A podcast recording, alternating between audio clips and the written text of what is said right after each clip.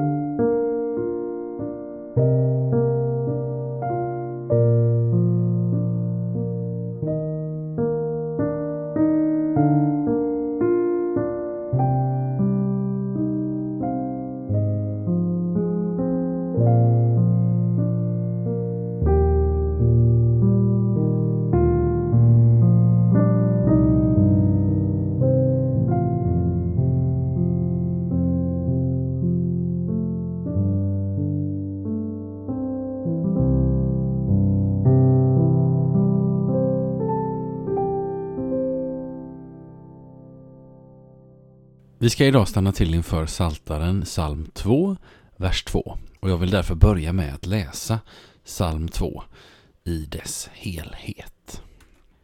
Varför är folken i uppror? Varför detta gagnlösa mummel? Jordens kungar reser sig och furstarna gaddar sig samman mot Herren och hans smorde. Vi sliter sönder deras band och kastar av oss deras bojor. Han som tronar i himlen ler. Herren ser på dem med löje. Nu talar han till dem i vrede. Han skrämmer dem i sin harm. Jag har invigt min konung på Sion, mitt heliga berg. Jag vill berätta vad Herren bestämt. Han sade till mig, du är min son. Jag har fött dig idag. Be mig så ger jag dig folken som arv och hela jorden som egendom. Du ska krossa dem med en spira av järn, slå sönder dem som lerkärl. Konungar, besinna er, ta varning ni jordens härskare. Tjäna Herren i fruktan, hylla honom i bävan. Annars vredgas han och ni går under. Ty hans vrede kan lätt blossa upp. Lyckliga de som flyr till honom. Och den vers som vi stannar till inför idag är alltså Saltaren 2, vers 2 som lyder så här.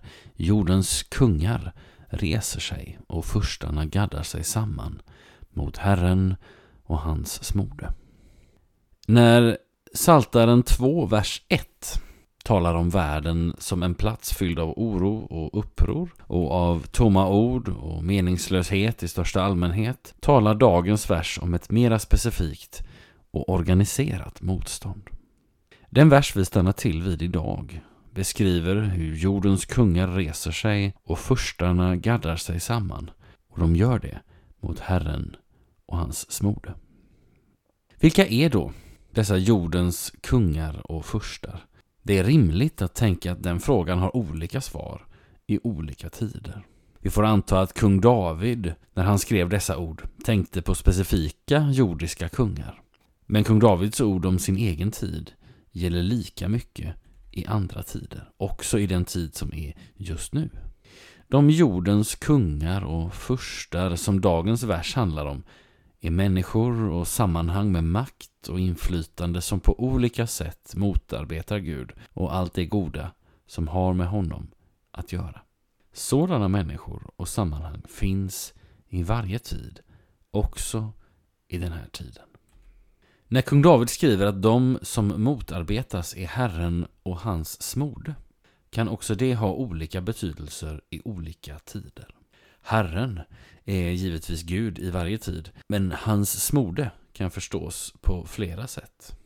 Dels kan den smorde syfta på David själv som var Herrens smorde, eftersom han blivit smord till kung av Herrens profet Samuel. Och det läser vi om i Första Samuelsboken kapitel 16, verserna 1-13. Men begreppet Herrens smorde syftar också på Jesus. Ordet smord heter ju på hebreiska Messias och på grekiska Kristus. Och Jesus omtalas ju ofta med dessa båda ord eller namn. Att Jesus möts av mycket motstånd och att många med makt och inflytande gaddar sig samman mot honom, ja, det får vi en lång rad exempel på i evangelierna.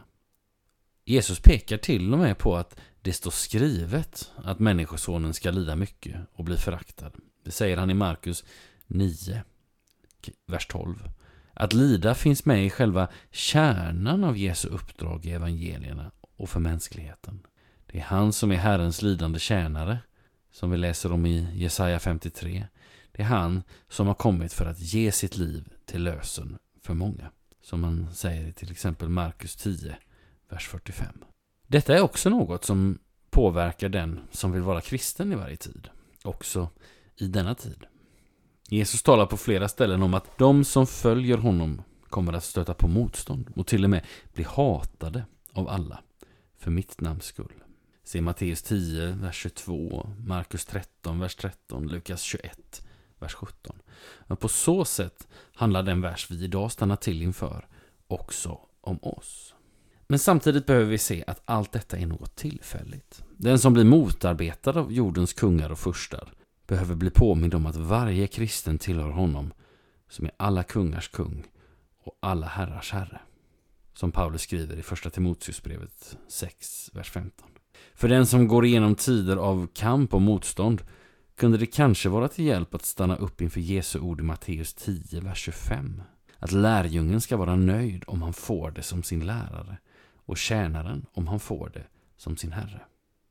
Men också inför Jesu ord till alla sina lärjungar i varje tid. I världen får ni lida, men var inte oroliga. Jag har besegrat världen. Johannes 16, vers 33. Låt oss be. Jag tackar dig, käre far, för din son Jesus Kristus och för att han är alltings och varje tids kung och herre. Låt den insikten få bli allt mer levande för mig, inte minst i de tider då jag själv möter motstånd för ditt namns skull. Hjälp mig att ha blicken fäst på dig så att jag allt tydligare ser att du har gått före mig, också i lidandet. Amen.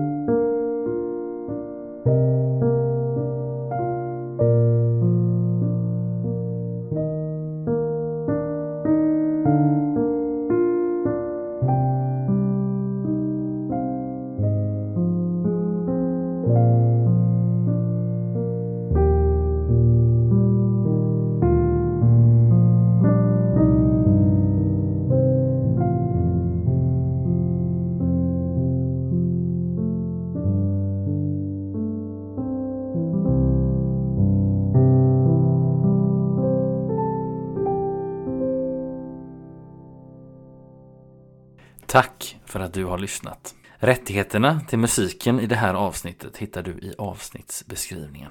Tills vi hörs igen önskar jag dig allt gott och Guds rika välsignelse. Hej då!